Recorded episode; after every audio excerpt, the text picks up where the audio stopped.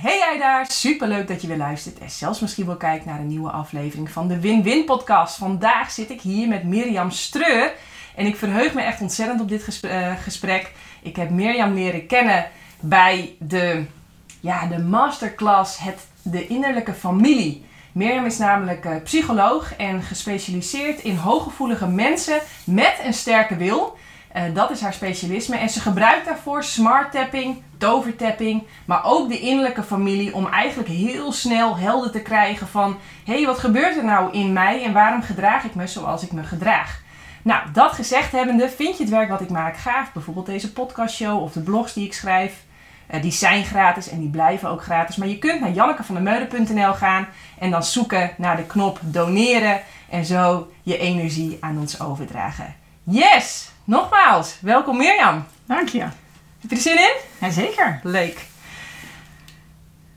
De Indianen die gebruikten een systeem, een schildensysteem, eigenlijk om, ja, om, om, om gedrag bij jongens, meisjes, mannen en vrouwen eigenlijk duidelijk te krijgen. Ze mochten dan letterlijk het schild van hoe ze zich op dat moment voelden, mochten ze dan bij de tent neerzetten. Ja. Heb ik het zo goed begrepen? Ja, dat heb je Eh, heel goed begrepen. Dat, dat systeem is vervolgens naar Nederland gehaald en wordt nu eigenlijk ingezet om jezelf, maar ook je gezin en je familie beter te begrijpen. Ja. Kun jij, ehm, nou ja, laten we eigenlijk even bij het begin beginnen. Je bent begonnen? Helemaal eh, met sociaal-pedagogische hulpverlening. Ja. En daarna eh, eh, systeem, eh, systemische methoden eraan toegevoegd. En eh, uiteindelijk eh, family and child eh, therapist in Amerika gestudeerd. En ehm, ja, via werkervaring terechtgekomen na geboorte van kindjes trouwens. waarvan ik wilde weten van hé, hey, wat, wat wordt nou eigenlijk mijn doel? Waar ga ik me op focussen? Wat vind ik, wat vind ik echt, dat interesseert me. Maar waarbij heb ik ook het gevoel dat ik echt iets kan betekenen.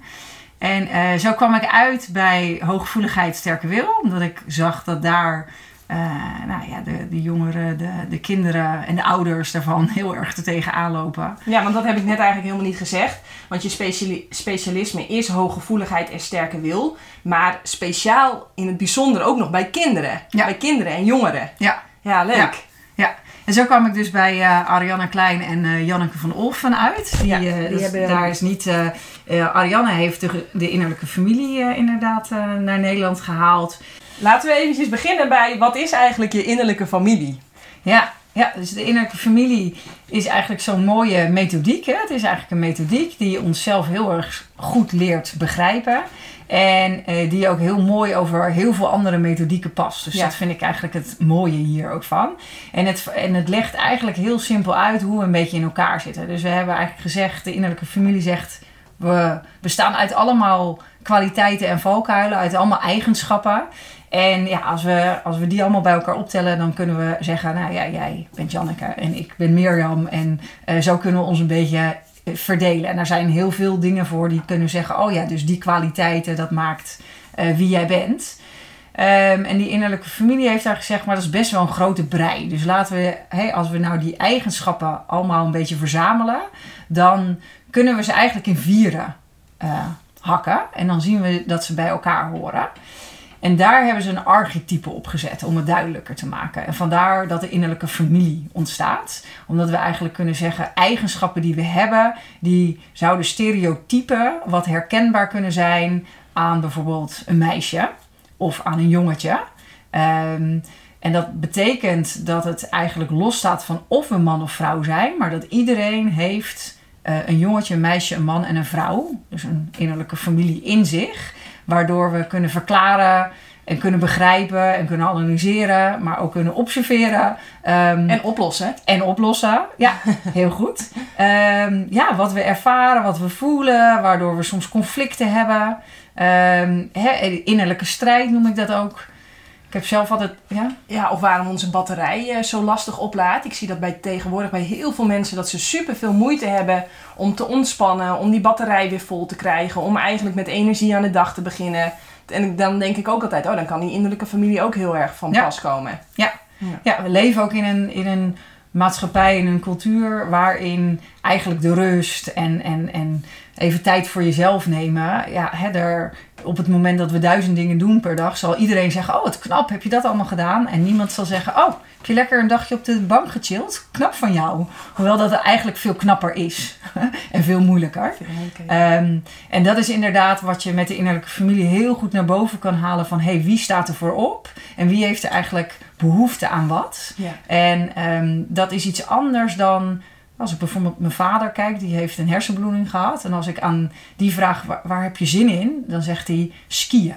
Dan zeg ik ook, dus met de pijn en met het lichaam wat je nu hebt, heb je zin in skiën? Nee, nee, maar mijn mind natuurlijk wel. En uiteindelijk met drie keer vragen, hè, maar waar heb je nu echt behoefte aan? Waar heb je zin in met, met alles wat er nu is, wat je nu voelt, hoe je lijf nu is? En dan zegt hij, ah, dan een lekker colaatje op een terrasje in een zonnetje. Nou ja, dan komen we veel meer bij die behoeften. Um, en anders is het dus uh, zo lange strijd en weerstand. En ja, komen we steeds meer in de knoop. Ja, hey, maar laten we eens even beginnen. We hebben dus in ons, in mij, in jou, ja. in iedere man, in iedere vrouw, in ieder jongen, in ieder meisje. Mm -hmm. Nou, dat, dat is dan even nog een vraag. Maar in mij heb ik een jongetje met bepaalde behoeftes en kenmerken en valkuilen en schaduwkanten en, en kwaliteiten. In mij heb ik een meisje met bepaalde behoeften, kwaliteiten, schaduwkanten.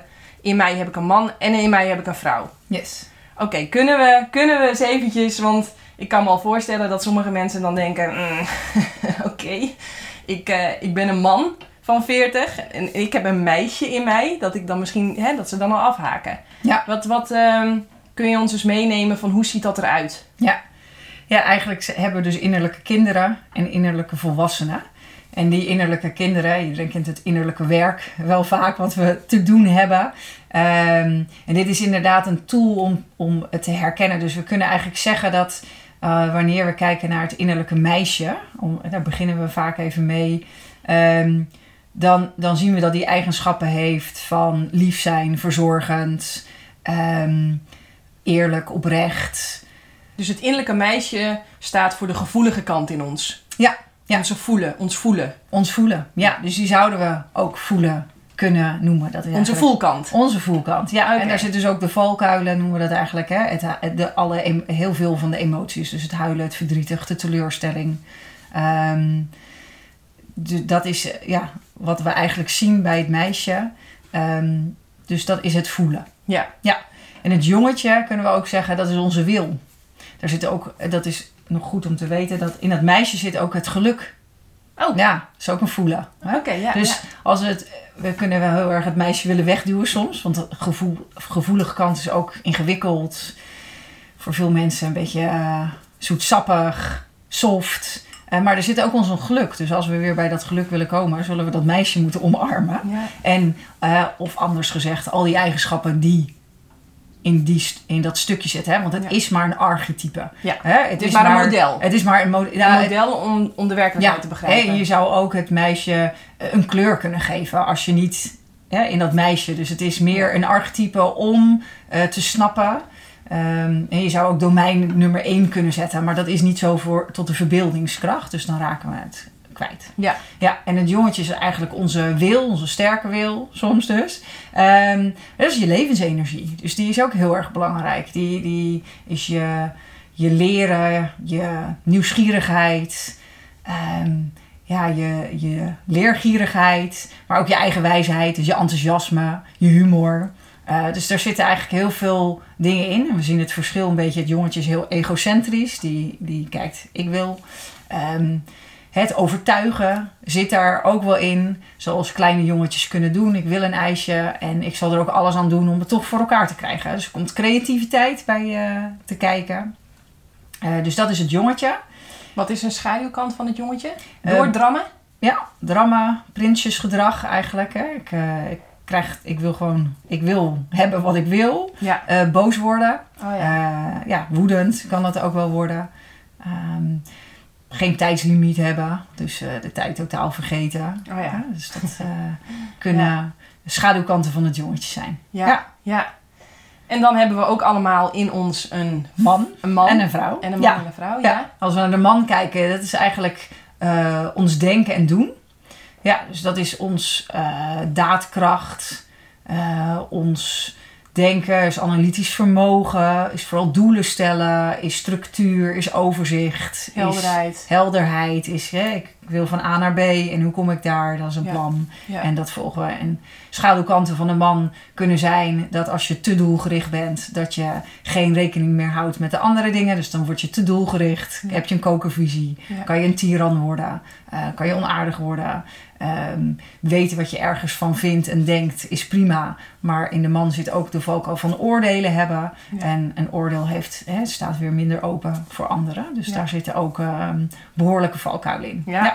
Ja. De man zit ook de overtuigingen. Ja. Oh, de overtuigingen over jezelf en de ander. Ja. Dus die man, als je de hele tijd aan het oordelen bent, dan weet je van eh, de man zit achter het stuur van mijn leven. Ja. Ja. Oké. Ja. Interessant. En dan hebben we de, vrouw. Ja, en de vrouw is eigenlijk je bewustzijn en je onderbewustzijn. Oh, wauw. Ehm, dus die is, die is altijd eigenlijk een soort van moeilijke eh, om voor de meeste mensen een beeld te, te creëren. Maar het is je wijsheid en het is een andere wijsheid, hè, maar het is echt je weten. Ehm, hè, het weten die ook ontstaat als je bijvoorbeeld ouders wordt. Hè, dat je weet wanneer het heldje van je kind een heiltje is waar je op moet reageren of waar je niet. Dus het is soms het onderbewust weten. Het is de wijsheid die je voelt. Het is je innerlijke kompas. Maar zij is ook eh, heel erg van eh, eh, realiteit. Dus checken of dingen reëel zijn en haalbaar zijn. Zij is empathie. Dus het kunnen, ehm, ja, echt kunnen weten wat goed voor de ander is. Maar ook wat goed voor zichzelf is. Dus zij houdt eigenlijk iedereen in de gaten. En ehm, zij Een- doet het goed op Een goede vrouw kan win-win denken. Ja, inderdaad. Heel goed. moet ik even, eh Ja. het jongetje en mij moet hij dan even eh, naar voren plaatsen. Ja, en dat is helemaal. En de valkuilen daarvan zijn eigenlijk, zoals het, als we het namelijk niet weten, dan voelt het heel onmachtig. En Ja. dan staan we met de handen in het haar. Wanhoop. Eh, dan komt de wanhoop, dan kan depressie, zwaarmoedigheid, machteloosheid. Ja. En dat zit allemaal eigenlijk in, in de vrouw. Ja. Ehm, de vrouw is ook eentje die we, die we zien die we wel echt ehm, gesterkt mag worden. Want die zorgt eigenlijk voor de rest van de familie. Oh, vertel de, hoe legt dat eens uit? Ehm, nou, die weten eigenlijk wat, wat ze allemaal nodig hebben. Oké. Dus op het moment dat het meisje heel verdrietig is, hè, of dat we pijn voelen, of dat we heel moe zijn, dan kan het jongetje bijvoorbeeld zeggen: Ja, maar eh, ik ga echt niet om acht uur in bed liggen hoor, want dat vind ik zo saai. eh, ik, wil- Ja. ik wil eigenlijk nog sporten. Hè? Oh ja. En dan kan de innerlijke man zich ermee bemoeien en zeggen: Ja, je wil sporten, je moet eigenlijk ook wel sporten. Hè? Want eh, heb je die dikke billen van je gezien? Hup, gas geven. Ehm, hoewel de vrouw dan eigenlijk kan zeggen: Ja, maar als ik dat nu ga doen, hè, dan heb ik morgen nog meer tekort. Dus als we nu één avondje even om acht uur naar bed gaan, dan ben ik opge- opgeladen en dan kan ik morgen om zeven uur kan ik gas geven en tanken. En dat is die innerlijke wijsheid waarvan we soms dus kunnen... Zij kan bepalen dat we zeggen... ehm, ja, als we haar goed kunnen voelen, dan weten we eigenlijk precies Ja. waar, wanneer, je, eh, wanneer je nee moet zeggen en wanneer je door kan Ja, gaan. ja, ik voel hem zo sterk. Ik probeer het wel eens onder woorden te brengen. Maar ik voel precies wanneer ik zeg maar mijn reptiele brein loop te lullen van eh, eh, ga niet trainen. Of dat mijn, in, mijn, mijn, mijn vrouw zegt van het is nu niet slim om te trainen. En ja, ik, maar leg dat maar eens Ja. uit aan een ander. Maar ik voel precies het verschil van geen zin, wel gaan, want straks voel je je herboren. Of geen zin, oh dit is echt een, geen zin, nou die komt ongeveer vier keer per jaar langs. Niet vaak bij mij, maar dan moet ik ook echt niet gaan. Nee. Want dan, dan maak ik meer kapot dan dat ik hem dat en dat is oplevert. precies je innerlijke vrouw die dan spreekt. Ja. En die inderdaad ook moeilijk uit te leggen is. Want dat is eigenlijk wat je ook precies zegt. Hè? Dus stel je voor dat je ehm, aan je oppas zou willen uitleggen. Ja, als je dit huiltje hoort, ja dan, dan moet je wel iets ondernemen. Ja, dat is niet... Nee. Het is bijna niet... Het is te voelen. Het is alleen maar te voelen. ja. En ehm, eh, je kan wel steeds leren om dat te voelen. En dat is door soms ook het te testen en, en, eh, hè, te gaan, en wel te gaan. En dan Ja. te denken, ah, nee, en met was hernia thuis te komen. Ja, terwijl dit was niet slim. En dit wist ik eigenlijk. Ja. Ja. Ja. Ja, die komt er dan achterna. Van, oh ja, dit wist ik eigenlijk. Ik wist al dat ik niet moest gaan. Maar ja, mijn jongetje nam het over, zat achter het stuur, toch gegaan. En dat, on- eh, dat overkomt ons allemaal. Ja, ja. En ook helemaal niet erg natuurlijk. Nee. Hmm, interessant. Dus als ik het samenvat, dan hebben we een meisje wat symbool staat voor het voelen. Een jongetje wat symbool staat voor gaan. Je Voor wilskracht. voor wilskracht. gaan. Ja. de man voor het denken en de vrouw voor het weten. Klopt. Oké, hmm, mooi. hey, maar ik wil eventjes terug, want jij bent gespecialiseerd in hooggevoeligheid. Ja. Wat, wat, wat, wat is dat eigenlijk? Wanneer is iemand hooggevoelig? Ja, dat is, een, eh, dat is een mooie vraag. Ja, dus de hooggevoeligheid zit dus heel erg in dat, in dat meisje eigenlijk. Hè. Daarin kunnen we zien van iedereen heeft dat meisje. Maar ja, echt geen enkel meisje is weer hetzelfde. Want niemand is hetzelfde. En daar zien we eigenlijk gradaties in. En eigenlijk op het moment dat we dan eh, prikkels en omgeving veel meer opnemen. Dus details meer zien. eh, allemaal dingen eh, waarnemen hè, die, die anderen minder snel zouden waarnemen. En de diepe verwerking, eigenlijk, eh, daar gaat het voornamelijk over. Dus dat de dingen die we waarnemen diep verwerkt worden.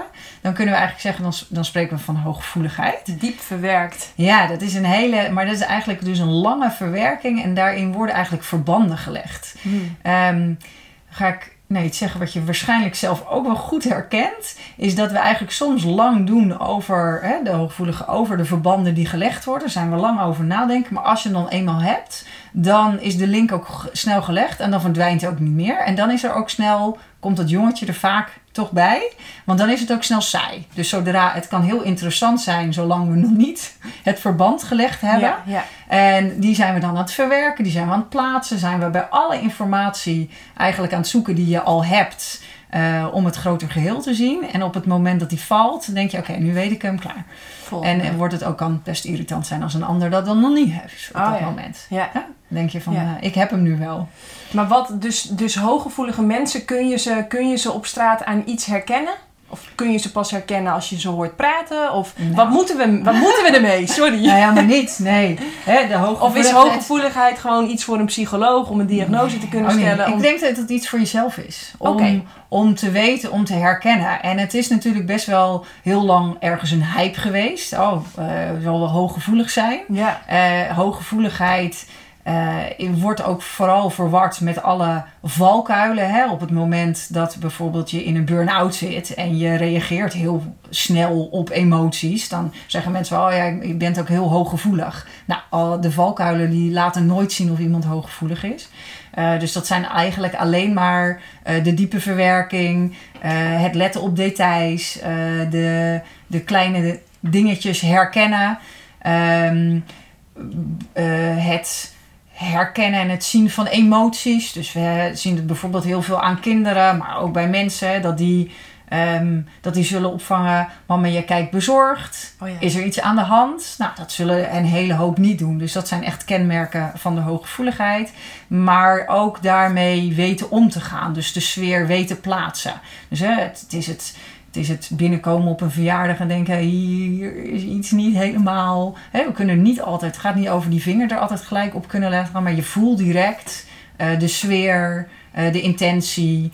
Ehm, je ziet of dingen kloppen, of ja, iemand ja, ja, ja, ja. eh, ja, overeenkomst met, met hè, dus daarvoor zie je veel, nou ja, mijn dochter bijvoorbeeld, die, die zal ook altijd, als je dus niet helemaal naar de kijkt, dan gaat zij dus zo kijken van, hé, hey, hoe, ziet je, hoe ziet jouw gezicht eruit? Hè? Oh ja, ja, Klopt ja. het met wat je zegt? Maak je nu een grapje? Is het menend? Eh, dus er zijn hooggevoelige kinderen en mensen dus heel alert op. ja. Ehm, en En, dat waarom trok jou dat zo aan, die hooggevoelige groep? Wat, wat is jouw affiniteit daarmee? Ja, dus ehm, eigenlijk door mijn lange ervaring. Hè, ik heb ehm 15 jaar binnen de GGZ gewerkt in de kinder- en jeugdpsychiatrie. Eh, ook een specialisme in voeding trouwens eh, gedaan. Eh, en daarin ook heel erg gezien dat voeding ook kan werken bij mensen hè, op gedrag. Maar ik zag ook wel dat het niet bij iedereen per se zo was. Ehm, Ik kan me voorstellen, sorry dat ik door je heen praat, dus hou even vast wat je wilde zeggen. Maar ik kan me ook voorstellen dat hooggevoelige mensen ook super gevoelig zijn voor voedsel. ja, Ik heb het idee dat als ik gewoon super simpel eet, eten met een hoge trilling, en, en waar eigenlijk verder ja, niks mee is gedaan.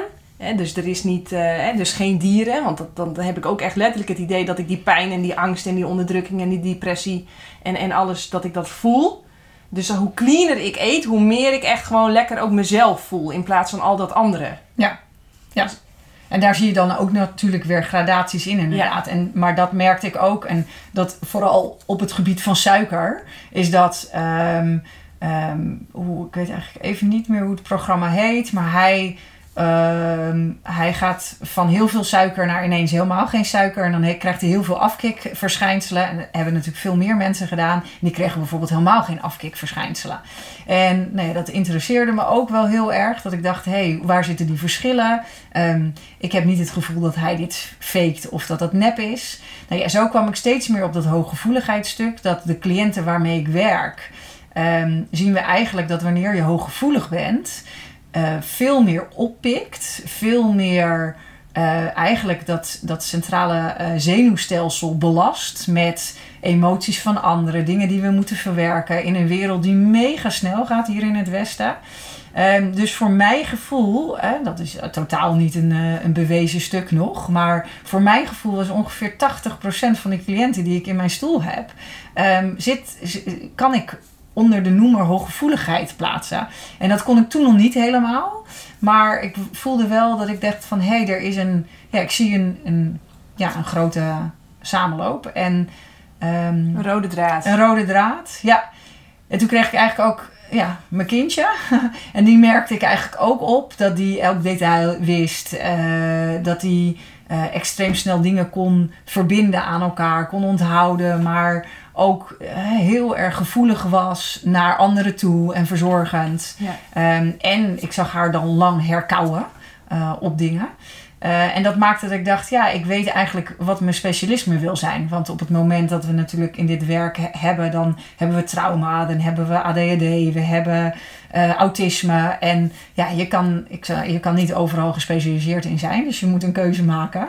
En ik voelde dit voor mij echt dat ik hiermee bezig ging en dat ik dacht, ja, dit is mijn pad. Dit Ja, moet ik volgen. Ja, mooi. Ehm, en zo kwam ik eruit. En zo kwam ik ook, ja, ja, dat ik eh, steeds meer van mezelf ook ging herkennen. En ik dacht, oh ja, de appel valt inderdaad niet ver van die boom. Ehm, maar inderdaad, wat ik zie is dat een hoop van onze cliënten ehm, bij ons komen, eh, in die stoel komen. En dat het ook helemaal niet gek is natuurlijk. Omdat wanneer we hooggevoelig zijn en zeker ook nog die sterke wil erbij hebben, soms dat ja, het leven ook echt snel gaat en er veel te verwerken is, hoge verwachtingen zijn, ehm, veel van onszelf moeten. En de eerste die dat voelen en die daar last van hebben, zijn de, zijn de hooggevoelige groep. Eh, zonder daar eh, per se een diagnose, dat is, er, dat is het eigenlijk ook niet, want het is gewoon een kenmerk. Van, net alsof je links, linkshandig bent, is ook gewoon een persoonskenmerk. Ehm, dus vandaar mijn specialisme. Hey, en ehm, als stel je voor, eh, je luistert dit en je herkent, wat, wat, zijn nou echt, waar, wat, ik, ik kan me zo voorstellen dat als je hooggevoelig bent, dat, dat, nou ja, dan kun je bijvoorbeeld heel goed dit gaan doen, want dat ligt jou goed. Maar ik kan me ook voorstellen dat je echt weg moet blijven bij X, Y, Z, want dat, dat, dat, dat brengt je in de war. Ik, ik, ik zeg maar wat. wat. Wat zijn de uitdagingen van iemand en de kansen, de kansen en de uitdagingen van iemand met hooggevoeligheid? Nou, wat, we, wat ik vooral eh, leer ook nu in mijn dochter, die, eh, die ook dyslectisch is eh, en leerproblemen heeft. en daar ook dan weer aan het kijken ben, is eigenlijk dat, elke, dat de hooggevoelige mensen de rechter hersenhelft mensen zijn. Een rechter hersenhelft zien we eigenlijk als rechter hersenhelft is de creativiteit, ehm, is, het, is de natuur denken, is het, ehm, is het, noem je dat praktisch denken? Ik ben even het woord kijken. En je hebt de, de links is eigenlijk het lezen, de wiskundige, eh, het schrijven. Dus je ziet eigenlijk dat wanneer we rechter hersenhelft mensen zijn, dat we ook een beetje een probleem hebben met linker hersenhelft eh, modules. En als we hier kijken naar bijvoorbeeld Nederland, is de hele school en opleidingsinstituut is linker hersenhelft eh, ingericht. En dat houdt ook een beetje in dat Ehm, nou, dat zullen mensen herkennen, maar dat herkennen wel meer mensen hoor. Maar dit is zo'n mooi voorbeeld over rechter hersenhelft, linker hersenhelft. Is dat wanneer je een telefoon krijgt bij iemand die eerst die hele handleiding gaat zitten lezen. En dan denkt van oké, ik weet wat ik moet doen. Of ga je drukken op die knopjes en denk je, ik, ja, die hele handleiding. Ik heb hem dus, ik heb hem nog nooit gelezen. Nee. En behalve op het moment dat echt iets niet lukt, dan eh, scroll ik met mijn ogen daar waar ik denk dat ik moet zijn. Ja. En dan, dan lees ik het. En dat Ja. is eigenlijk een beetje het verschil linker hersenhelft, rechter hersenhelft. Ehm, is het gewoon doen en het dan leren en ervaren. En het linker hersenhelft is van ik ga van A naar B en ik doe het stap voor stap. Dus Ehm, kansen, kansen voor hooggevoelige kinderen zijn eigenlijk eh, de minder de theoretische kant, meer de praktische kant. praktisch, creatief. Creatief. Ja. En we zien eigenlijk als we heel erg rechter, rechter hersenhelft denkend en hooggevoelig zijn, eh, dan zullen we inderdaad veel meer op kunstenaars uitkomen. Eh, en dat zie je eigenlijk ook al, hè? dat wordt in Nederland. En nog veel, nog, hè, als je vaak vraagt aan kinderen wat is slimheid, dan zullen ze dus zeggen eh, de vakken die onder de linker hersenhelft uitkomen. En daar zien we, daar is nog. Hè, dus Dus daar, iemand die goed in wiskunde is, goed in de Nederlandse taal, die zien we als heel slim. Ja. Terwijl iemand die bijvoorbeeld heel goed een muziekinstrument kan spelen of een prachtig schilderij kan maken, eh, die daar- wordt wat minder als slim ehm, ja, Getypeerd. getypeerd. Hoewel dat natuurlijk helemaal niet het geval is. Maar daar liggen de krachten en Ja. daar liggen ook eh, de leermogelijkheden.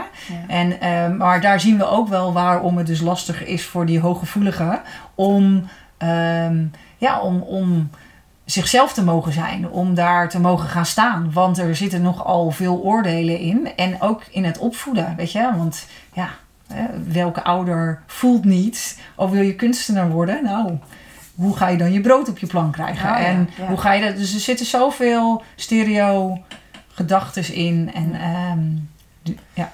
hey, en nu hebben we dus eh, hooggevoeligheid en we hebben ook nog de sterke wil. ja, Waarom vond je dat zo? eh, Ja, omdat die combi zo ontzettend uitdagend is. Oké, dus stel je voor je bent super gevoelig, maar je hebt ook een hele sterke wil. Ja, en die sterke wil is dus dat je heel goed weet wat je wil. Ehm, ja, op het moment dat je niet zo'n hooggevoelige kant hebt, dan is die sterke wil ook wel, maar dan, dan botst het veel minder. Hè? Dus die sterke wil is eigenlijk, ik weet heel goed wat ik wil en daar ga ik ook voor staan. Ehm, en daar ga ik ook voor. Eh, dus dat geeft doorzettingsvermogen en eh, dat, dat bereikt ook doelen. Dus dat is ook heel mooi. Maar dat geeft ook als je jonger bent, dus heel veel botsingen. Hè? Want je gaat niet zomaar iets uit de gang, eh, uit de weg. Dus op het moment dat je dat ijsje wil, dan zal je dat ijsje ook krijgen. En dat zal je eerst doen door ehm, misschien allerlei dingen te verzinnen waardoor het wel zou mogen. En op het moment dat je bijvoorbeeld echt doorkrijgt dat het niet mag, dan gooi je je woede erin. Of dan, eh, hè, en als het niet gaat zoals je wil, ontstaat er ook vaak veel woede. Eh, en die sterke wil maakt het wel heel spannend voor dat innerlijke meisje, voor die hooggevoelige kant. Want dat, die sterke wil, die wil wel confrontatie aangaan. Die wil wel alles uit de kast halen om te krijgen wat hij wil. Maar het meisjeskant, hè, de hooggevoeligheidskant, die zegt juist ik wil harmonie. Ik wil, ik wil geen gedoe. Ik wil peace. Dus die krijgt eigenlijk stress van dat jongetje. En dat maakt dus dat er innerlijk ook een heel conflict ontstaat. Ja, ja. Dus ik heb, hè, als ik, zelf heb ik altijd één zo'n mooi voorbeeld op mijn bucketlist. Staat ehm bungee jumpen. Ja, en, ehm, maar dat is duidelijk een bucketlist dingetje van mijn jongetje. Want het lijkt, ja, het lijkt me gewoon geweldig om naar beneden die vrijheid te voelen en te gaan. Maar ik heb echt heel veel hoogtevrees. Dus dat, ik voel daarnaast ook gelijk, ja, maar dat durf je nooit. En eh, straks doet het zeer, weet je wel, die klap dat je rug zo, dat zie je dan altijd. en ehm, ja, hoe ga je dat doen? Dus dan heeft het jongetje heeft al verzonnen, we gaan het niet van een hijskraan doen, want dan moet je naar boven. Maar we gaan het van een brug doen, ergens in Afrika. Dan hoef je in ieder geval niet naar boven te klimmen. Zijn we al boven. En dan, ja, dus de- daarin zit een hele enorme strijd. Ik wil het absoluut. Maar het, het gaat eigenlijk over de grens heen van mijn hooggevoelige kant. Van mijn gevoelige kant. Ja. Ehm, en dat is iets wat we allemaal af en toe herkennen. Maar de eh, hooggevoelige, sterke wil mensen, die, die ontdekken dat eigenlijk constant. Hè? Die, die voelen dat constant. Eigenlijk dat het jongetje veel meer wil ehm, Hmm. dan, eh, dan het meisje. En dat geeft in de opvoeding heel veel problemen. Maar ook later kan dat best wel veel uitdagingen problemen. Kan het voor veel uitdagingen zorgen. Ja, oké, dus we hebben dus die hooggevoelige kant, we hebben die sterke wil en we hebben die innerlijke familie. Ja, We- die, die, die verklaren. Eigenlijk is de innerlijke familie een verklaring eh, of een model die we erop kunnen zetten om het beeld duidelijk te krijgen. Hè? Dus eigenlijk we hebben de gevoelige kant en we hebben de sterke wilkant. En op de gevoelige kant kunnen we het innerlijke meisje zetten. En op de sterke wilkant kunnen we het innerlijke Ah, jongetje mooi. zetten. En daarin zien we eigenlijk dat als we een boog zouden tekenen, dat we zeggen we hebben een gemiddeld jongetje en we hebben een gemiddeld meisje. En we hebben hoe, hoe hoger ons boogje wordt qua eigenschappen die daarin zitten en sterk vertegenwoordigd worden, hoe hoger de sterke wil tot uiting komt en hoe hoger ehm, eh, de hooggevoeligheid tot uiting komt. Ja, precies. En jij begint het echt interessant te vinden als we een meisje hebben wat eigenlijk heel sterk aanwezig is. En een jongen die ook nog eens heel sterk, aanwezig is. Ja, En, en eh, ja, wat gebeurt er dan? Dan wordt het, dan wordt het eh, ja. nou ja, vuurwerk ook vaak van binnen. Ook van binnen. Ja. Ja. ja. En ook van buiten natuurlijk. Maar daarin eh, ja, ontstaat heel veel. Ja. hey, kunnen we hem nog even één keer terughalen? Want ehm, om even te checken van hoe herken je het bij jezelf. Dus ehm, heb jij een voorbeeld? Ja, hoe herken je het bij jezelf? Eh goeie vraag. Ehm, Nou, stel je voor we moeten een vakantie kiezen of zo. Een vakantie. Ehm, nou, of had jij, had jij een voorbeeld? Maar ik kan Oh, me zo. voorstellen dat dat dan ook heel duidelijk wordt. Of een ruzie. Je hebt een ruzie. Ja. Ja, kijk, dus dat, dat is inderdaad je, je, je hooggevoelige kant. Zal de ruzie willen vermijden, eigenlijk. Hè? Die, zal, die wil namelijk, die werkt dan weer samen eigenlijk met de man. Daar zit hij in. Ehm, maar het, het, het, de gevoelige kant, die houdt niet zo van conflicten. Die houdt niet van ruzies. Dus die zal, die zal hem uit de weg willen gaan. Ja. Ehm, je jongetje daarentegen... Maar zijn er dan mensen die wel van ruzie houden? Ik kan me voorstellen, ik hoor ook wel eens mensen zeggen: ja, ik hou echt niet van oneerlijkheid. Dan denk ik, ja, maar wie wel? Niemand houdt toch van oneerlijkheid? Nee. Niemand houdt toch van onrechtvaardigheid? Dat is toch gewoon, we zijn toch allemaal mens? Er is toch niemand die dat wil? Ik, Nee, kan, me, dat klopt. ik kan me voorstellen dat er niemand is die, die denkt van, nou lekker, ik ga vanavond even lekker ruzie maken. Nee, nee, maar dus het iets anders dan het, eh, het, het, het, het blijft een... En niemand zal ook ooit denken, oh, ik ga eens lekker een potje zitten janken. Of misschien wel, Nee, maar... precies. Maar dat jongetje in ons wil gewoon kosten wat het kost. Nee, Dus- de man in ons wil kosten wat het kost gelijk hebben, bijvoorbeeld. Nee, dat is het jongetje. Oh, toch? Ja, dat is Het jongetje wil jongetje. toch echt gelijk hebben. En Ja. die denkt, nou ja, dan maar ruzie. Maar ik moet hier mijn punt doordrukken. Ja, die heeft het ook niet zo Ah. erg door. En het meisje, kijk, als we niet zulke gevoelige meisjes hebben, niet, niet, die zullen dat wel wat minder, die zullen daar minder van, ehm, van streek van zijn. Dus op het moment dat we ruzie hebben, dan zal het hele hooggevoelige meisje zal, vooral gaan denken: eh, wat is mijn aandeel? Heb ik iets fout gedaan? Eh, hoe had ik het kunnen voorkomen? Ik voel me vooral eigenlijk heel slecht. Eh, ehm, ik voel geen verbinding meer. Dus het meisje wil heel, is heel erg van de verbinding. Die wil heel erg de verbinding hebben. Dus hoe herkennen we het in onszelf? Ja, dat is natuurlijk eigenlijk is dat de innerlijke vrouw die het weet en die het voelt. Ehm, maar het is, het is vooral in heel veel dingen dat je denkt van... eh, op het moment dat je ruzie hebt en er worden felle dingen gezegd... dat je eigenlijk de gekwetstheid voelt. Achteraf misschien pas denkt, oh ik had dit kunnen zeggen, ik had dat kunnen zeggen. Eh, maar dat dat vaak wat later komt. Dus ruzies zijn ook van die momenten dat we merken dat we niet in harmonie kunnen blijven. Dat we niet in verbinding kunnen blijven. En dan zijn we eigenlijk uit het veld geslagen, eventjes. Hoewel dan later wel weer de wijsheid komt of eh, het erboven kunnen staan komt. Dus dat zijn... Dat, maar zo zijn er duizenden voorbeelden inderdaad. En soms is dat heel erg te voelen met, met lichaamswerk. Hè? Dat, je, dat je ergens gaat staan dat je denkt, hoe gevoelig ben ik nou eigenlijk? Ehm, en, het, en het gaat voelen. Dus we hebben daar natuurlijk wel vragenlijsten voor. En dan staan er heel veel vragen op van... eh, vallen details je op? Vallen, eh, hoe sfeergevoelig ben je? Heb je door eh, of iemand, ehm, hè, of iemand goed in zijn vel zit? Of heb je dat totaal niet door? Ehm, kan je het dan ook plaatsen? Kan je met emoties om, omgaan? Ja. Eh, ja, heb je last van harde geluiden? Heb je last van licht? Ja. Dat is bijvoorbeeld als ik zelf overprikkeld ben, ja, dan, dan doen zelfs mijn ogen zeer als ik mijn ogen dicht heb. Want dan is alles, alles is, komt nog te dichtbij. Ehm, en dat zijn eigenlijk kenmerken waarin je zelf kan herkennen dat je denkt van, oh ja, ik heb echt, eh, ik moet echt ontprikkelen. Ontprikkelen, ja. Ja, Oké, dus als we het... eh, ik ga het nog één keer proberen eventjes Ja. dat het... eh, maar wat je eigenlijk bij wa- wat de uitdaging is, of eigenlijk het leuke hiervan is, is dat je bij jezelf, net als ik dan deed, oh grappig, nu zit mijn jongetje achter de microfoon. En als ik meer ga voelen van oké, wat voel ik? Of wat heb ik nodig? Wat zijn mijn behoeftes? Waar zou ik, waarmee zou ik echt tot rust komen? Of waarmee zou ik echt, dan zet ik mijn meisje meer achter de Microfoon. microfoon. Ja. En als ik ga oordelen, dan zet ik mijn man meer achter de telefoon. En als ik even uit ga zoomen, oké, wat is nu de win-win? Eh, wat heb ik echt nodig? Wat, wat, wat dient het collectief? Wat, waar zou eigenlijk iedereen het beste mee af zijn? Dan zit mijn vrouw achter de microfoon. Ja. Ja, oké, mooi. Mooi. hey, ehm, ja, ik heb allemaal vragen opgeschreven. ja. Eh, want ik denk dat het vooral ook interessant is, is hoe krijg je ze eigenlijk, hoe, hoe maak je een team van je jongen, je meisje, je man en je vrouw? Want ik denk dat dat heel gezond is. Ja. Ja, dus eigenlijk het, het mooie fenomeen van, van de mens is dat we eigenlijk nog een vijfde eh, iets hebben en dat zijn we zelf.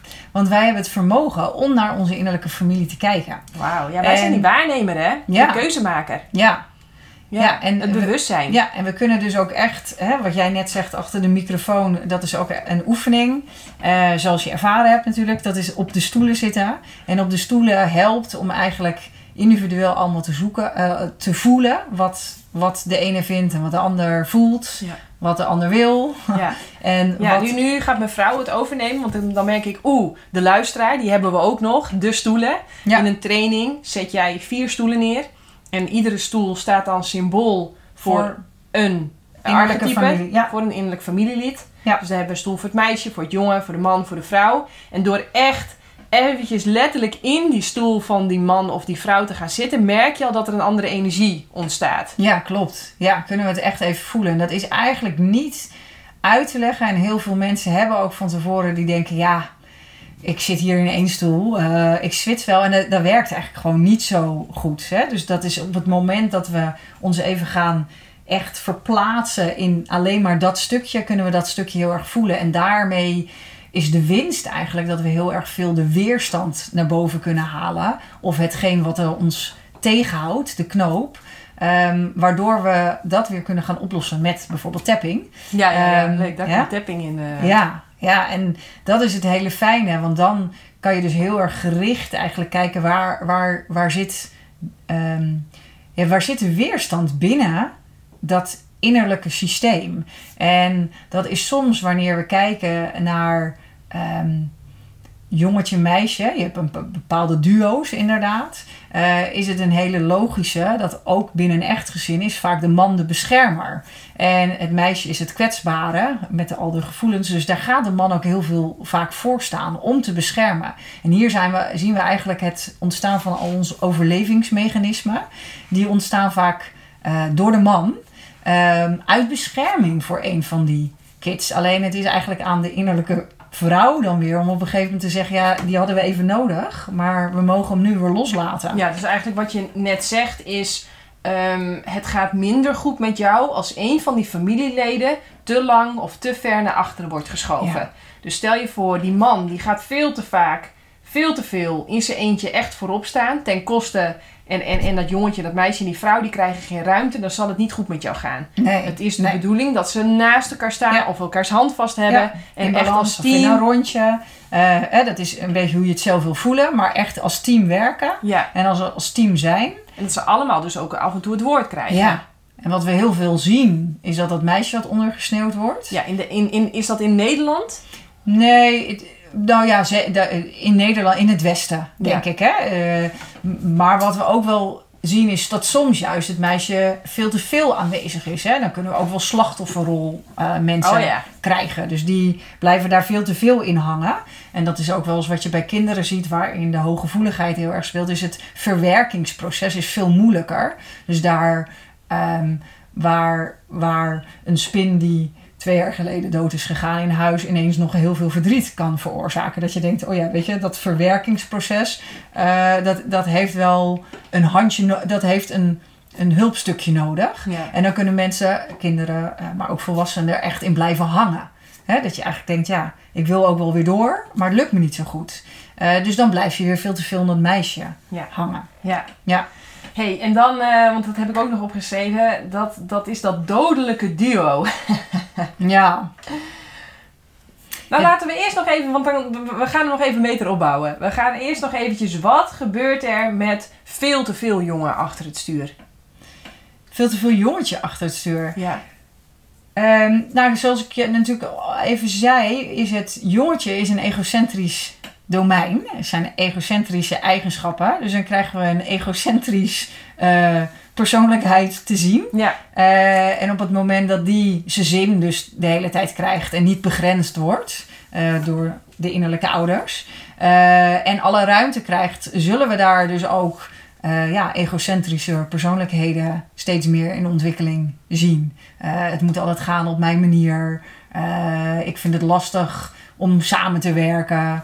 Ehm, ja, ik, ik kan moeilijk met andere rekeningen houden. Eh, het jongetje is gewoon, ik weet wat ik wil en dat ga ik voor elkaar krijgen. eh, ten koste van wat dan ook. ja. Ja, En als er nou veel te weinig jong, als het jongetje veel te ver achteraan staat in je leven en eigenlijk nooit eens even achter de microfoon mag zitten, wat, wat, wat gebeurt er dan met veel te weinig jongetje in je leven?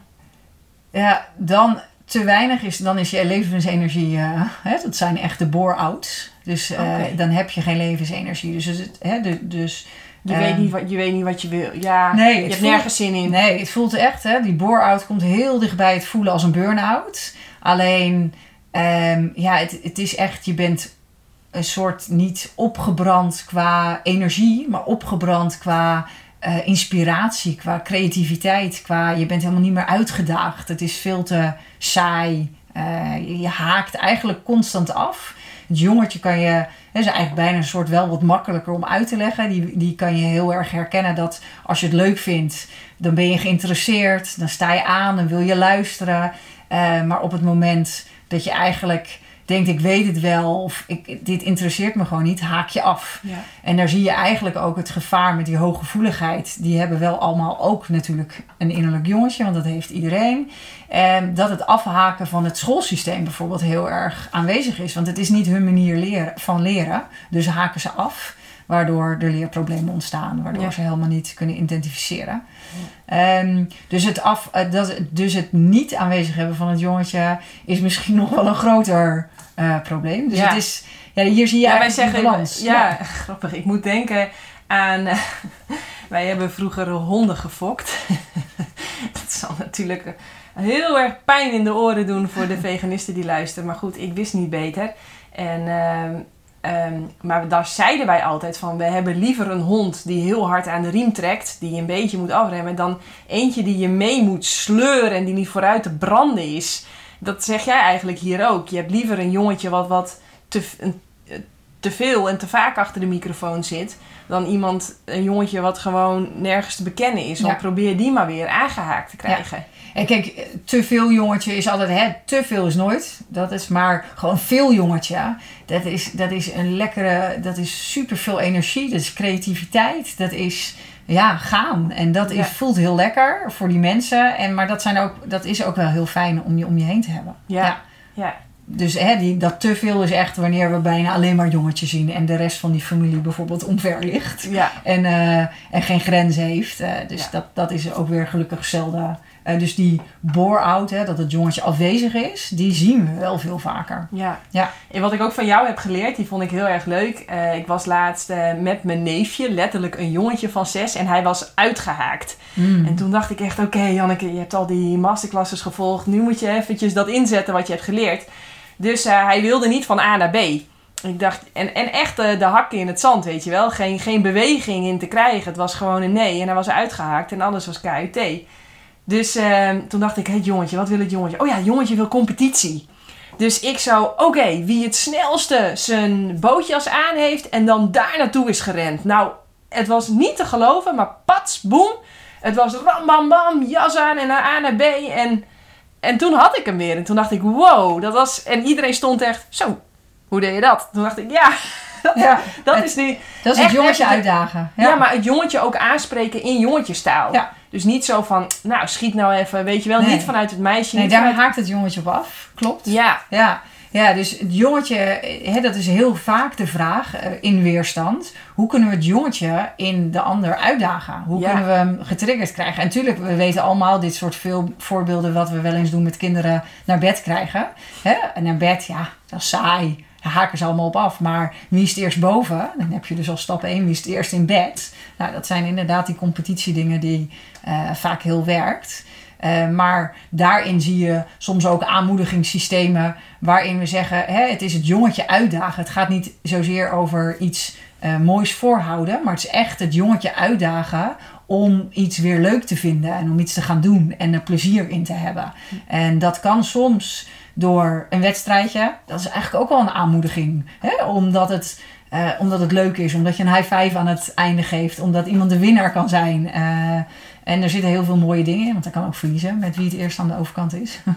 Ehm, en dan kan je dat weer aangaan. Dus dat is inderdaad ehm, een hele mooie die je zegt. Het jongetje uitdagen is voor jezelf ook een hele interessante vraag. Ja, wat wil mijn jongetje eigenlijk? Waar word ik blij van? Wat is mijn levensenergie? Ik weet dat ik op een gegeven moment zelf zo lang al wel weer in het vak zat. Ehm, en van ons vak is toch altijd een beetje de valkuil dat we heel erg klaarstaan voor de ander en de ander aan het helpen zijn en daarmee onszelf een beetje verliezen. Zeker op het moment dat je dan ook nog mama bent geworden, hè, dan ben je zelf helemaal weg. Dus ik kreeg ook wel weer die vraag op een gegeven moment: waar word ik eigenlijk? Wat, wat is eigenlijk, waar word ik eigenlijk blij van? En eh, wat vind ik eigenlijk leuk? Ja, dat kwam er eerst alleen maar uit, ja, andere mensen helpen. Maar dacht ik, ja, dat is, stel je voor dat al die andere mensen er niet zijn. Waar word ik dan blij van? En ehm, ja, heel vaak gaan zoveel dingen op die automatische piloot. Dat we echt ook deze bewustwordingsvragen, dat het goed voor ons is om, om te bedenken, wat geeft me energie? Ehm, wat, wat kost me energie? Eh, hè, als ik terugkijk op een dag, ja, wat, wat, wat, waar, waar heb ik energie van gekregen? Waar word ik echt blij van? Ehm, en dat is goed om te weten. Ja, dat is echt, dat is echt allemaal omtrent dat jongetje. Ja, Ja. ja. ja. ja, en dat is natuurlijk ook. Maar dat is ook in combi. Want op het moment hier komen we dan eigenlijk bij de termen eh, bijvoorbeeld introvert en extravert. En om het soms nog wat ingewikkelder te maken, dan kan het jongetje afzonderlijk van het meisje introvert of extravert zijn. En eh, introvert en extravert houdt eigenlijk in dat we energie krijgen van de ander. Ehm, en dat is bijvoorbeeld een goede vraag. Dus vaak willen we natuurlijk voelen we hoe belangrijk sociale contacten zijn en hoe leuk het is om sociale contacten te Ja. hebben. Maar we kunnen daarnaast ook voelen dat we denken, ja, maar het kostte me wel energie. Dus ik heb heerlijk zitten kletsen en ik stond super aan.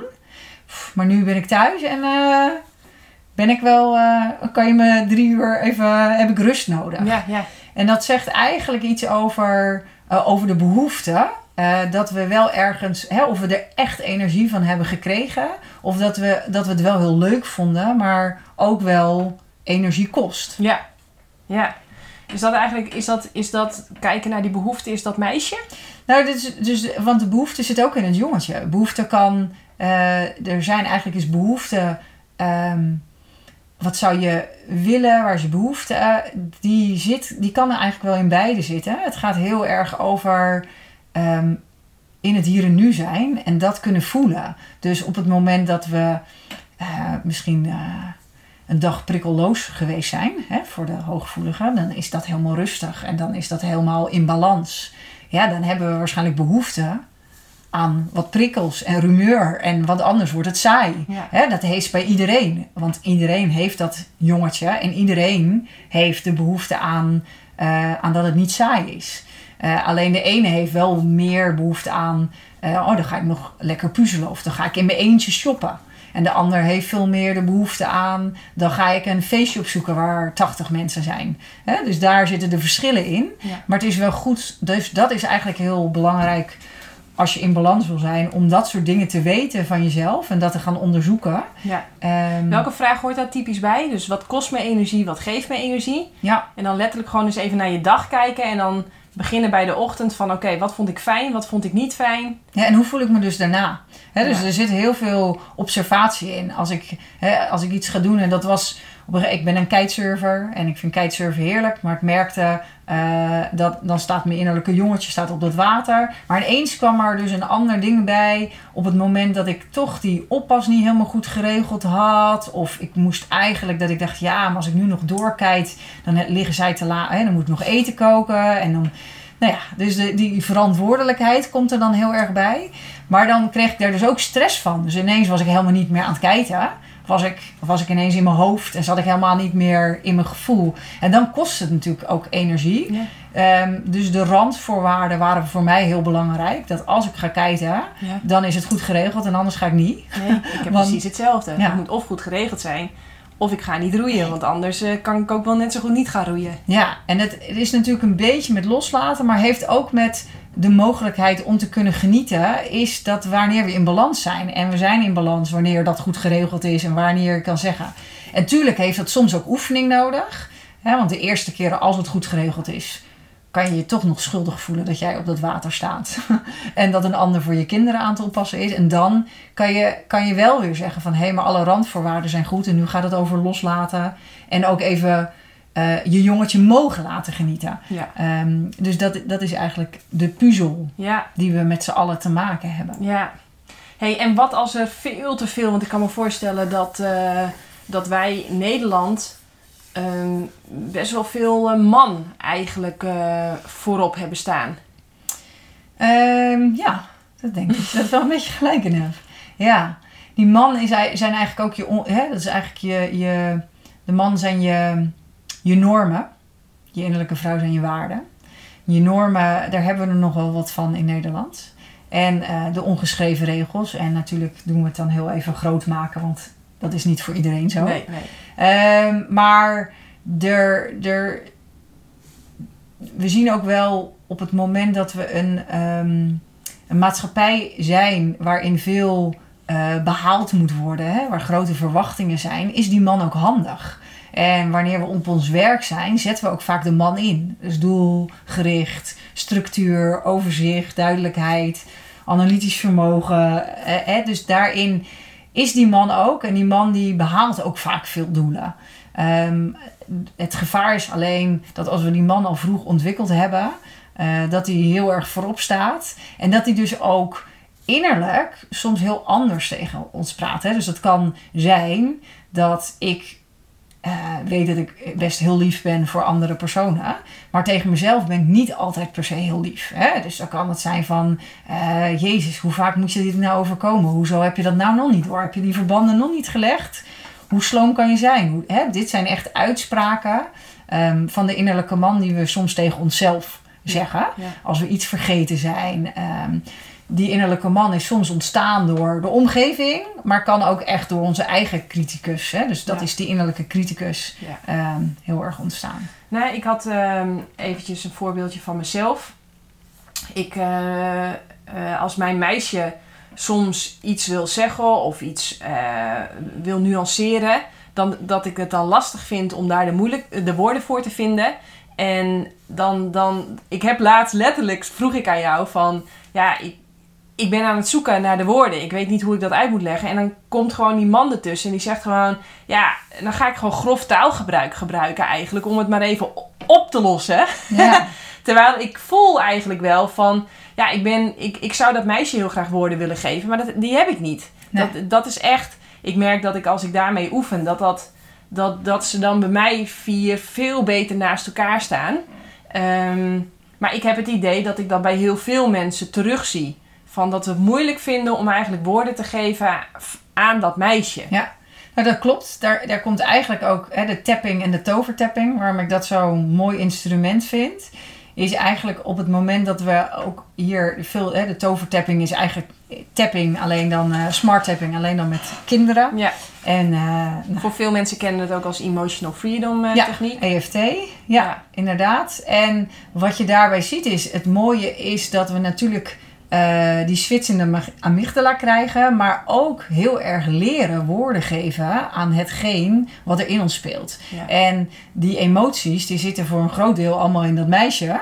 En eh, die vindt het ook dus heel moeilijk om woorden te geven. En die man, dat is precies wat je zegt, die is aan de ene kant is het een overlevingsmechanisme, maar het is ook, nou precies waarom ik het spannend vond om hier bij jou op, eh, hier te zijn, hè, is dat ik zelf ook dyslectisch ben, zelf ook vaak zoek naar de juiste woorden.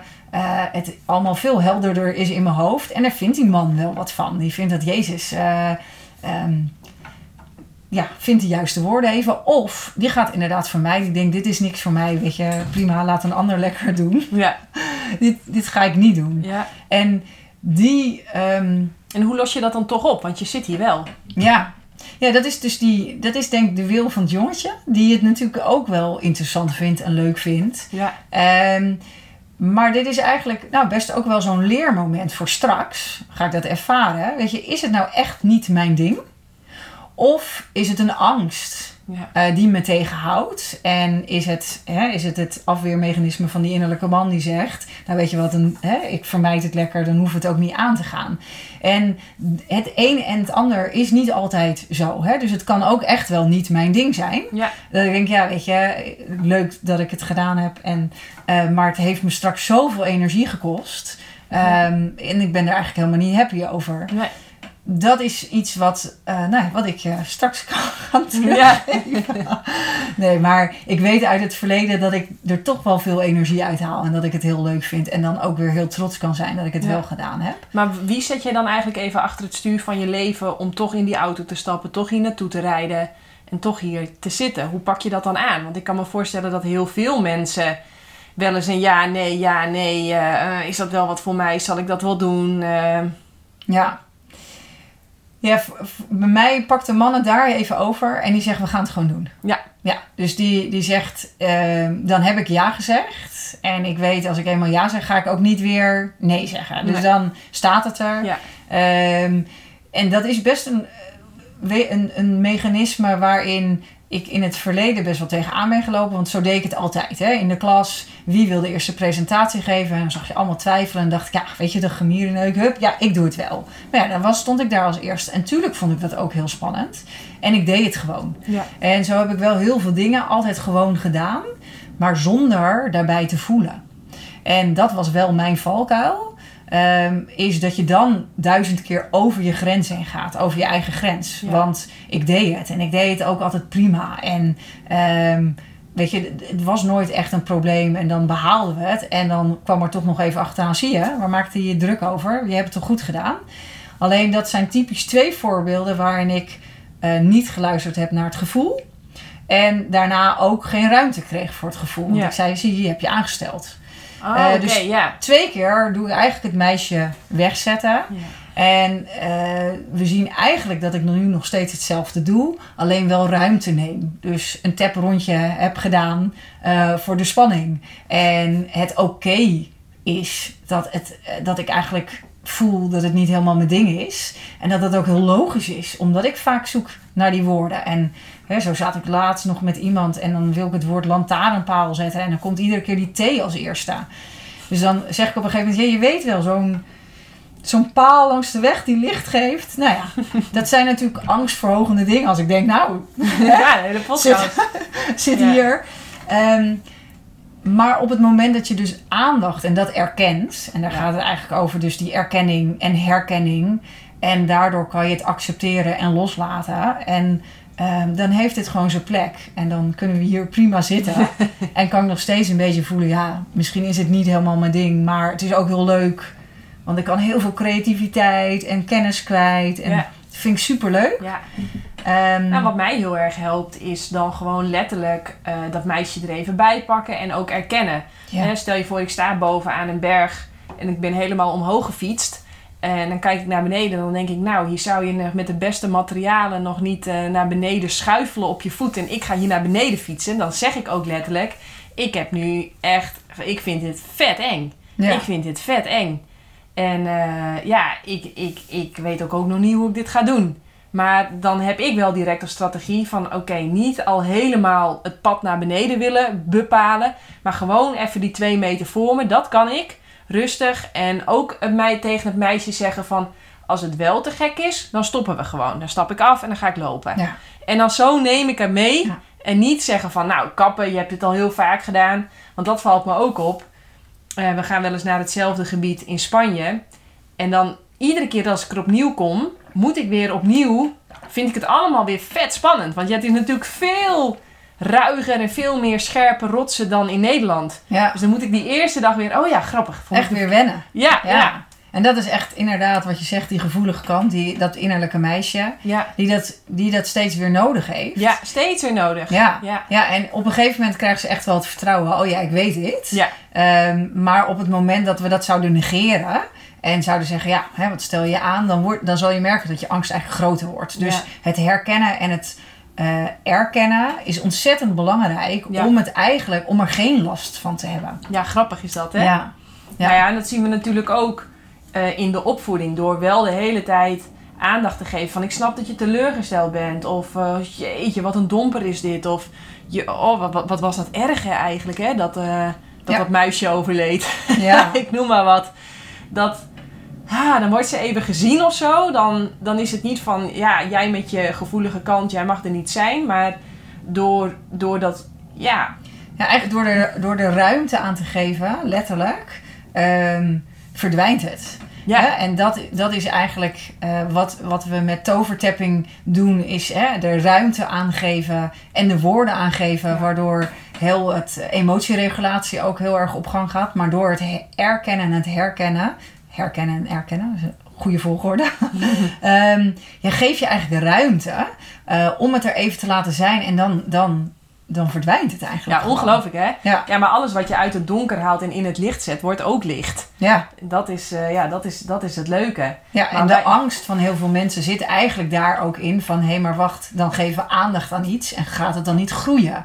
En eh, ja, dat, dat zien we eigenlijk dus dat dat met emoties heel erg... Hè, dat, dat het niet per se de aandacht is. Want je kan inderdaad ook echt aandacht geven. Ehm, en dan krijg je bijna een innerlijk meisje wat een innerlijk meisje eh, aandacht geeft. En dan kan het ook groeien. Hè, dan, dan kan je... Ja, dan ontstaat de drama queen en dan zitten we hier drie dagen later nog te huilen. Ja, oh ja, ik vind het ook zo erg. Ja, dus dan eh, krijg je dat. Maar Ja. op het moment dat we gaan herkennen en erkennen, dan is het eigenlijk echt dat we, dat we ruimte geven aan dat wat er is, om het er even te laten zijn. Hm. Ehm, Nou ja, en dan is die emotie, dat is vind ik zo fantastisch. Hij is dan wel krachtig, maar hij duurt meestal maximaal 90 seconden. En dat kun je echt wel aan, helemaal in een veilige setting.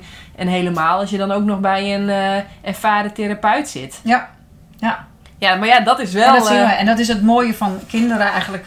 Op het moment dat ze bij mij komen, zeggen ze ook heel vaak als ik ga erkennen. ehm, dan gebruiken ze ook echt heel de, vaak de woorden. Hoe weet jij dat? Dus het lijkt net of dat je ja, gedachten kan lezen. Maar Ja. uiteindelijk is het een methodiek waar we in ons, eh, eigenlijk ons empathisch vermogen heel erg gebruiken. Dus met de empathie kunnen we altijd ehm, naast de ander gaan staan en zeggen van... I get it, weet je, ik, ik, ik snap het. Ik ben daar, ik, ik weet hoe het voelt om daar even te zijn, om dit even te voelen. Ja. En hè, dat kan je met boosheid doen. Eh, en laatst deed ik ook, toen zei ik, oh, zullen we anders nog een... eh, gaf ik een oefening aan een meisje en ik zag haar helemaal afhaken.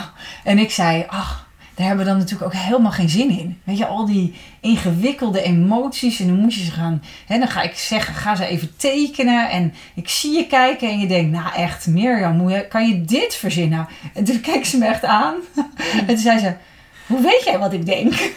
Maar dat is natuurlijk even verplaatsen in. We weten allemaal wanneer we afhaken. En Ja. we weten allemaal wat we nodig hebben. En door, door die puzzel te herkennen van die innerlijke familie... kan je ook zo fijn therapie geven. Omdat je dan kan denken... oké, hoe kan ik dat innerlijke jongetje van haar dan weer uitdagen? Want die emoties hebben even ruimte gekregen... doordat het er even mocht zijn. En ehm, ja, uiteindelijk was, was kleuren niet... maar was verven de, ja, ja, ja. de, ja, ja. de ding.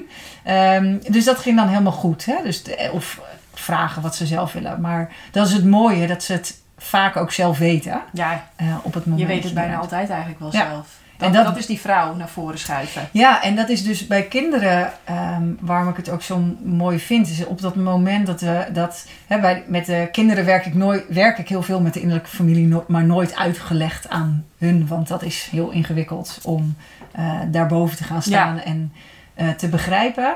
Um, maar ik werkte natuurlijk wel heel erg veel mee. En op het moment dat we dan tapping doen, dan zie je eigenlijk de, dan zie je hun innerlijke vrouw dus groeien. Want je doet dat met je innerlijke vrouw. Ehm, dus de woorden geven aan emoties en het vertrouwen hebben dat je jezelf kan opvangen. Dat als je heel erg verdrietig bent of als je heel erg boos bent of dat iets heel heftigs is of heel erg teleurgesteld bent, dat je eigenlijk een tool hebt in jezelf die je kan doen waardoor je ja, eigenlijk heel snel weer uh, je rustig voelt. Ja. En daardoor uh, veel meer succeservaringen kan opdoen. Ja, dat is, dat is echt gewoon een uh, ja, Ja, precies. Want als je in stress bent, is het super lastig natuurlijk om, om helder en logisch te denken. Terwijl dat tappen, hoeveel procent uh, daalt je cortisol wel niet door een rondje tappen? Dat is bizar, hè? Die is heel bizar, ja. Ja, we weten niet precies de getallen. Nee, die maar het is gaat heel, heel hard naar beneden. En dat is soms verschillend natuurlijk uh, in hoeverre je precies erkent en herkent wat je voelt. Ja. Maar uiteindelijk kan dat van, van 100% naar 0%. Uh, ja. ja. Zakt in één keer, uh, kan heel hard zakken. Ja. Hey, ik heb ook nog opgeschreven, daar wil ik wel even met jou over filosoferen. Maar waarom denk jij dat heel veel mensen depressief worden? Of zijn? Het is een van de snelst groeiende ziektes. Ziek, ja kan je, kan je uh, zo noemen. Ja. Ja. Um, ja, kijk, dat is... Er, daar Als we die innerlijke familie erbij gaan halen. Ja. Wat, wat, wat gebeurt er dan?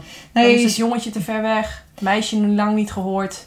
Nee, nou, het is natuurlijk... De depressie zit heel erg in, in de innerlijke vrouw. Oké. Okay. Uh, dus die is, uh, die, die is zwaarmoedig, die weet het niet meer. Dus het is eigenlijk het niet weten hoe je ja, hoe je balans kan creëren in je leven. En op het moment dat dat te lang ontstaat, dan uh, kan je depressief worden. En dat is natuurlijk bijvoorbeeld als, stel je voor dat dat meisje aanwezig is in verdriet of in niet-acceptatie of iets dergelijks. Dan kan ook op een gegeven moment de vrouw de, de zwaarmoedigheid voelen van, ja, ik, heb, ik kan mijn gezin niet helpen. En op het moment dat jij je dochter verdrietig ziet, uh, maar er niet kan troosten of het niet lukt, dan ga je dat voelen. Uh, dus daar zit die depressie heel erg in. Maar die zit wel gecombineerd in, in al die familieleden. Uh, en dat is, dat is natuurlijk de. Ja, de. Hoe zeg je dat? De, de verwachting die er heel erg ook is. Oké, maar ik heb ook het idee als je, als je geen zin meer hebt, als je geen reden meer hebt om je bed uit te komen, als je het, dat, dan, is dat, dan is die levensenergie die is dus weg. En die vrouw die weet het eigenlijk niet meer. Ja. Zoiets, zoiets. Uh, dus het, jongetje en de vrouw die, die staan met de hand in het haar. Nou ja, kijk, je jongetje, je hebt natuurlijk je bore-out, maar je hebt ook je burn-out. En op het moment dat we ergens te lang in blijven hangen, en daar zou je wel het meisje bij kunnen pakken. Hè? Dus dat is de verwerking van het meisje. Op het moment dat we niet kunnen verwerken, dan blijven we lang ergens last van hebben. Maar de verwerking doet die innerlijke vrouw. Dus daarvoor zie je eigenlijk dat die depressie meer met het innerlijke meisje en de innerlijke vrouw te maken heeft. Ehm, in het verwerkingsproces. Alleen wat maakt dat, uh, dat er niet verwerkt kan worden? Dat zou goed kunnen omdat die innerlijke man uh, veel te veel voorop staat en die het niet toelaat. En dat die allemaal muren ja, om zich heen heeft. En een innerlijke man die wil niet naar een therapeut gaan. Een innerlijke Bijvoorbeeld als die een overtuiging heeft dat dat uh, zoetsappigheid is en ja, niks gaat brengen. Nee, dan, dan is dat vooral de innerlijke man die inderdaad... Ehm, en de innerlijke man, even voor de helderheid, kan dus ook in de vrouw zitten. De, de, een vrouw kan een innerlijke man in zichzelf hebben die denkt ja, uh, duizenden euro's uitgeven aan een coach of uh, aan een therapieprogramma. ja, ja. Uh, hallo, dit moet je toch gewoon zelf op kunnen lossen. Zo erg was het toch niet? Ja, klopt. Dat. Zoals ik bijvoorbeeld veel innerlijke mannen zie, hè, of het nou vrouw zijn, of hè, die, die inderdaad zeggen: ja, opvoeden kunnen we allemaal en daar heb ik niet hulp bij nodig. Of oh, dat, moet, dat moet niet mogen. Ja. Dus daar zien we die strengheid. En op het moment dat het dan niet gaat lukken of moeilijk is, Um, dan kunnen we depressief raken. Maar ook als dat jongetje bijvoorbeeld ja, inderdaad lang niet daar geweest is, dan. Uh, en er is veel te verwerken. Dus, hè, dus dan is er gewoon eigenlijk geen balans. Kan zorgen dat we die depressie voelen. En die depressie ehm, ja, die heeft heel veel met erkenning en herkenning te maken. Van werkelijke behoeftes. Ja, en het loslaten en het accepteren. Ja. En op het moment dat we, dat we eigenlijk niet in balans zien, zien we eigenlijk dat die, ik noem het altijd de woorden heal, hè, herkennen, erkennen, accepteren en loslaten, slash leren. Hè, dat Oh ja. zit aan het einde. Oh ja. Ehm, Heel met dubbel L. ja, zo zou je het mooi kunnen zeggen, inderdaad. Ehm, ja, dan, dan, dan kan die depressie op de kop komen. Of je nou pijnklachten hebt of, hè, of verdrietige klachten. Dat is eigenlijk alles wat er op dit moment is. En je, je kan het niet healen. Hè? Je kan het niet weer loslaten of ervan leren. Dan zal je daar blijvend eh, dan in blijven hangen. Ja. Ja. Ja, dus die verwerking is heel erg belangrijk om geen depressie te krijgen. En dan komen we dus eigenlijk weer terug bij het begin van die hooggevoeligheid. Dat daar die diepe verwerking, eh, daar zien we eigenlijk dat die verwerking langer nodig heeft, heel erg diep gaat. Dus vandaar dat deze groep soms ook wat extra's nodig heeft. Ja. Mooi. Mooi. Ja, ik had nog opgeschreven, stel ik ontdek allemaal minpunten aan mezelf. Hè? Dus ik ontdek de hele tijd dat de schaduwkanten van mijn jonge meisje, man en vrouw naar voren staan. Eh, maar ik weet even niet meer waarom ik die vraag op heb geschreven. Ja, wat als je allemaal in je schaduwkant aan het leven bent? Ja, maar ja, dat heb je waarschijnlijk vaak zelf niet in de gaten. Dat ontdekt, dat, dat, daar heeft meestal je omgeving meer last van. Ja, het is natuurlijk wel, kijk, op het moment, maar ja, ook als ook je vrouw in de schaduwkanten zitten. eh, nee, dan wordt het gewoon heel zwaar. Ja. Ja, dan, Dan wordt het heel zwaar. Ja, en dan, dan ben je, dan, maar dat voel je denk ik wel ook zelf. Hè? Dan, dan is gewoon veel dingen niet goed. Eh, veel, van veel dingen, het is allemaal gewoon heel zwaar dan. Ja, het is Ja. heel zwaar. Ja. Ja. Ja. Ja. ik weet even niet meer waarom ik hem... eh, Je wilde er iets over vertellen. Ja, grappig hè, maar dan zit je in een bepaalde... Nou, en welke ik nog leuk vond, is, eh, gaan we daarmee afsluiten. Dat is het, het dodelijke duo en het gevaarlijke duo. Ja, ja, je hebt duo's inderdaad. Ja, dus En, dan, dan gaan er eigenlijk bijvoorbeeld het, het jongetje en de man die gaan met z'n tweetjes voorop staan. Ja. Of het meisje en de vrouw gaan met z'n tweetjes achter de microfoon zitten. Ja. Wat, wat, wat, wat kan er gebeuren bij het dodelijke duo? Ja, het dodelijke duo is ook wel eens een denderende trein, zeggen we dat. Het dodelijke duo is het jongetje en de, en de, en de man samen. En ehm, ja, die zitten dus alle twee in die egocentrische eh, eigenschappen. En die, die, die kunnen wel heel lekker voelen eigenlijk. Hè? Want het jongetje is creatief, is leergierig, eh, staat aan, weet wat hij wil. En op het moment dat het de man daar ondersteunend in is, dan krijgen ze ook heel veel voor elkaar. Maar ze houden niet zoveel rekening met anderen. En ze zijn niet zo lief en niet zo aardig en niet zo inlevend. Eh, want die zijn wat, wat naar achter. Maar de dodelijke duo, die. Ehm, nou, daarom heet die dodelijke duo. Dus die is vooral dodelijk voor anderen. ja, ja, ja. Ja, ja. Eh, krijg je. Meedogenloos. Ja, het, het sarcasme, het, eh, eh, de scherpe opmerkingen. We hebben een doel te bereiken. We willen alleen maar daarheen. Dus er zitten veel Niet in hun- lullen, maar poetsen. ja, schaduwkanten. En dan eh, krijgen we het dodelijke duo, wat dus niet een hele fijne karaktereigenschap is, die we soms wel eens herkennen. Vooral in het werk van bazen, die gewoon zeggen: daar hebben we heen te gaan en eh niks Ja, wat mee jij, te maken. wat jij allemaal voelt en vindt. Nee. En Nee. dat, daar hebben we gewoon even geen tijd voor. Nee, nee Ja. dus we moeten voor. En soms herkennen we ook dat dodelijke duo wel eens in onszelf. Hè? eh, alleen het, het maakt het ook dodelijk innerlijk, omdat we geen ruimte hebben voor dat meisje en eh, die vrouw. Oh, ja. En ja, we hebben ze alle vier nodig. De- die balans is, is er gewoon. En, ehm, maar het, gaat, het, het dendert wel gewoon door. Ja, door. En daardoor is die ook zo dodelijk. Omdat er wel heel veel dingen behaald kunnen worden. En, eh, en, en ja, ze zijn, ze zijn heel doelgericht en, en gaan er ook voor. ja. Ja, en het kan dus ook wel een beetje verslavend en lekker voelen voor degene die erin zit. Ja, want Ja. Je, je, je bereikt gewoon heel veel. Ja, ja, en daar zit natuurlijk een bepaald beloningsmechanisme aan voor jezelf. Ik, ik zie zo'n dodelijk duo die laat één spoor van vernieling achter zich. Maar zelf zit hij wel eh, Ja, zo, zeg maar, achter het stuur. Zoiets zie ik voor mij. ja. Nou, klopt. Hey, en het gevaarlijke duo, wat gebeurt er dan? Het gevaarlijke duo is eigenlijk het meisje en de man. En eh, die, ja, die zijn een beetje gevaarlijk samen, omdat de, het overlevingsmechanisme van de man eh, dat is, hè, die zit er, die, het beschermmechanisme van die man, die komt daarin. En dat maakt dat we faalangst kunnen ontwikkelen. Dat, het, dat het eigenlijk best... Het gevaarlijke duo. Meisje-man. Nee, je zegt het gewoon helemaal goed. Ah, oké. Meisje-man, 105. Ja, nee, dan is het wel het eh, faalangst en het, en het ervoor gaan staan. Dus het gevaarlijke is dat de man het meisje de mond snoert. Ja, het gevaarlijke duo is inderdaad dat er veel ontstaat. Hè? Dus dat, je, ehm, dat alleen maar het overlevingsmechanisme nog van belang is. Dus dat ook je mechanisme wordt dat je het jongetje inderdaad niet toelaat, wat ze zeggen. Want dat is ook je bescherming naar dat meisje. Dus dat meisje wordt helemaal beschermd. Ja. Maar het meisje wil het eigenlijk heel goed doen. En die man die wil toch eigenlijk wel doelen behalen. Dus hier zie je eigenlijk dat het meisje steeds harder gaat werken. Dat die man steeds eh, negatiever wordt naar het meisje. Waarvan er ook een, ik, ik kan het eigenlijk nooit goed doen. Eh, hè, dus die lat wordt steeds hoger gelegd. Oké, dus die is ook echt gevaarlijk voor jezelf. Ja, Ja, mooi.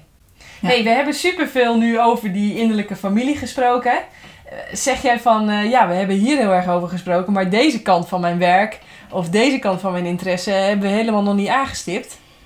nou, we hebben heel veel aangestipt. Ja. Ja, eh, we hebben het heel veel over die innerlijke familie gehad. Ik denk dat dat inderdaad, maar daar hebben we het net ook over gehad, dat die tapping en die tovertapping en echt zo ontzettend een mooie tool Ja. is. Ehm, die, die vooral helpt dat verwerkings- en dat healproces eh te doen. Ja, En eh, dat daar eigenlijk je hele balans eh, mee terugkomt. ja, nee, dus de- ja, ik denk dat we heel veel mooie dingen hebben aangestipt. ja, super. Ja, Super. ja.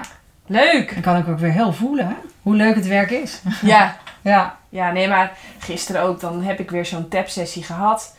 En met, met iemand in, met hoge leeftijd. En dan vind ik het ook zo heerlijk dat ik zeg, weet je, we hoeven niet die hele geschiedenis uit te gaan kouwen. nee. Dat hoef ik, ik hoef niet te weten wat er allemaal is gebeurd. En, en, maar laten we gewoon beginnen. En dan merk je gewoon zo snel dat je van alles waar je nu op dit moment last van hebt, dat je daar eh, de scherpe kantjes af kan halen. Ja. En dat iemand al met creëert. zoveel ideeën en meer zelfvertrouwen naar huis gaat, dan denk ik echt, wauw, ik ben zo blij dat ik dat ontdekt Ja. heb. Mooi. Het is zo snel, het is efficiënt, het is ehm, eh, ja, niet te veel. eh, ja, dat vindt mijn jongetje dus blijkbaar heel lekker. Ja. Niet te veel lullen, best wel snel poetsen, Ja, snel resultaat. ja. Nou, dat, dat, dat, daar sluit ik me bij aan. Dat, is, dat vindt mijn innerlijke jongetje ook heerlijk. heerlijk, ja. En eh, om die ruimte te zien, om, om weet je, die effecten gelijk te kunnen zien. Maar ook om, ja, om die ruimte te creëren. En om die, die extra tools toch, hè, om ook nog te leren om die woorden te geven. eh, ja, maar dat vind ik zo mooi, want als ik tap heb ik het idee dat echt mijn vrouw daar zit. En, en die hoeft, die, die, die voelt gewoon van eh, wat er in die ander speelt. Ja, En dat, dat vind ik ook zo magisch. Dat, dat, dat mensen letterlijk zeggen, ja, dat woord. Dat en, ja, dat was het. Ja, en dat, maar dat komt volgens mij omdat daar dan echt die vrouw zit. Klopt dat? Ja, ja, tapping doet de vrouw. Ja. Ja. Dat is de, de, die, daarmee oefen je ook je vrouw. Het is echt empathie die Ja. je inzet. Is Ja. het inleven. En als tapper, als therapeut tapper, ga je ook, ja, ben je, word je heel snel echt geleerd om eigenlijk echt even in die ander te duiken. En Ja. het mooie is om dan woorden te geven die die ander nog niet heeft. Ja, En dat Ja. maakt ook dat die kinderen zo vaak zeggen van hoe weet jij dat? ja, ja, ja. ja, ja. Ehm, maar ook, ja, ik had laatst iemand hè, die, die helemaal die boosheid niet durfde te benoemen. En op het moment, dan kies ik expres juist even voor de felle, boze woorden. ja. En dan, ja, de ander, die hoeft er ook nog helemaal niet te zijn. Maar het is wel even lekker dat je, dat je de ruimte krijgt Ja. over dat wat je eigenlijk voelt. Om daar woorden ook aan te geven Ja, en, ja. Er, eh, en er te laten zijn. ja. Ja, dus dat is, eh, dat is het mooie van tovertapping. eh, ja. ja. Waar dus binnenkort ook weer een training van komt. Ah, mooi. Ja, Goed om voor, te weten. voor professionals om mee te doen. ja, nou ja, weet in ieder geval, ik ben super blij met wat ik van Merel heb geleerd, wat ik van jou allemaal leer. Ik gebruik het dagelijks. Dus eh, Ja, ja, echt, eh, ik ben er echt heel blij mee. Ja. En eh, dus ik ben ook blij dat je ja hebt gezegd. en dat we ja, nu aan de luisteraar hebben kunnen delen van... Oh, grappig. We hebben die, die vier, vier eh, archetypen, die, die familieleden heb ik in mij. En ehm dankjewel. Ja, Ik ga hem afsluiten. helemaal goed. Jij ook bedankt. Jij ook heel erg bedankt voor het luisteren, voor het kijken. Vind je dit werk gaaf? Deel het dan volop op je social media. Je mag ook naar jannekevandermeulen.nl gaan. Daar vind je de knop doneren, waarmee je je energie aan ons door kan geven. En dan zou ik zeggen, heel graag tot de volgende keer. Doei! Zou je eigenlijk wel meer plantaardig willen eten, maar heb je geen idee hoe je dat op een gezonde, verantwoorde manier voor jezelf en je gezin doet? Lees dan het boek De Eiwitleugen. Mijn naam is Janneke van der Meulen en in 2018 en 2022 werd ik wereldkampioen kustroeien. In 2021 werd ik na een energieke zwangerschap en soepele bevalling moeder van onze dochter. Alles op een dieet van fruit en planten. Kijk, je kunt nog zoveel diploma's hebben, geluk, talent, connecties, geld. Maar energie is uiteindelijk wat het verschil maakt voor resultaat. In het boek De Eiwitleugen deel ik daarom alleen maar de allerbeste wetenschap voor optimale gezondheid, fysiek en mentaal. Dus bestel het boek nu via jannekevandermeulen.nl.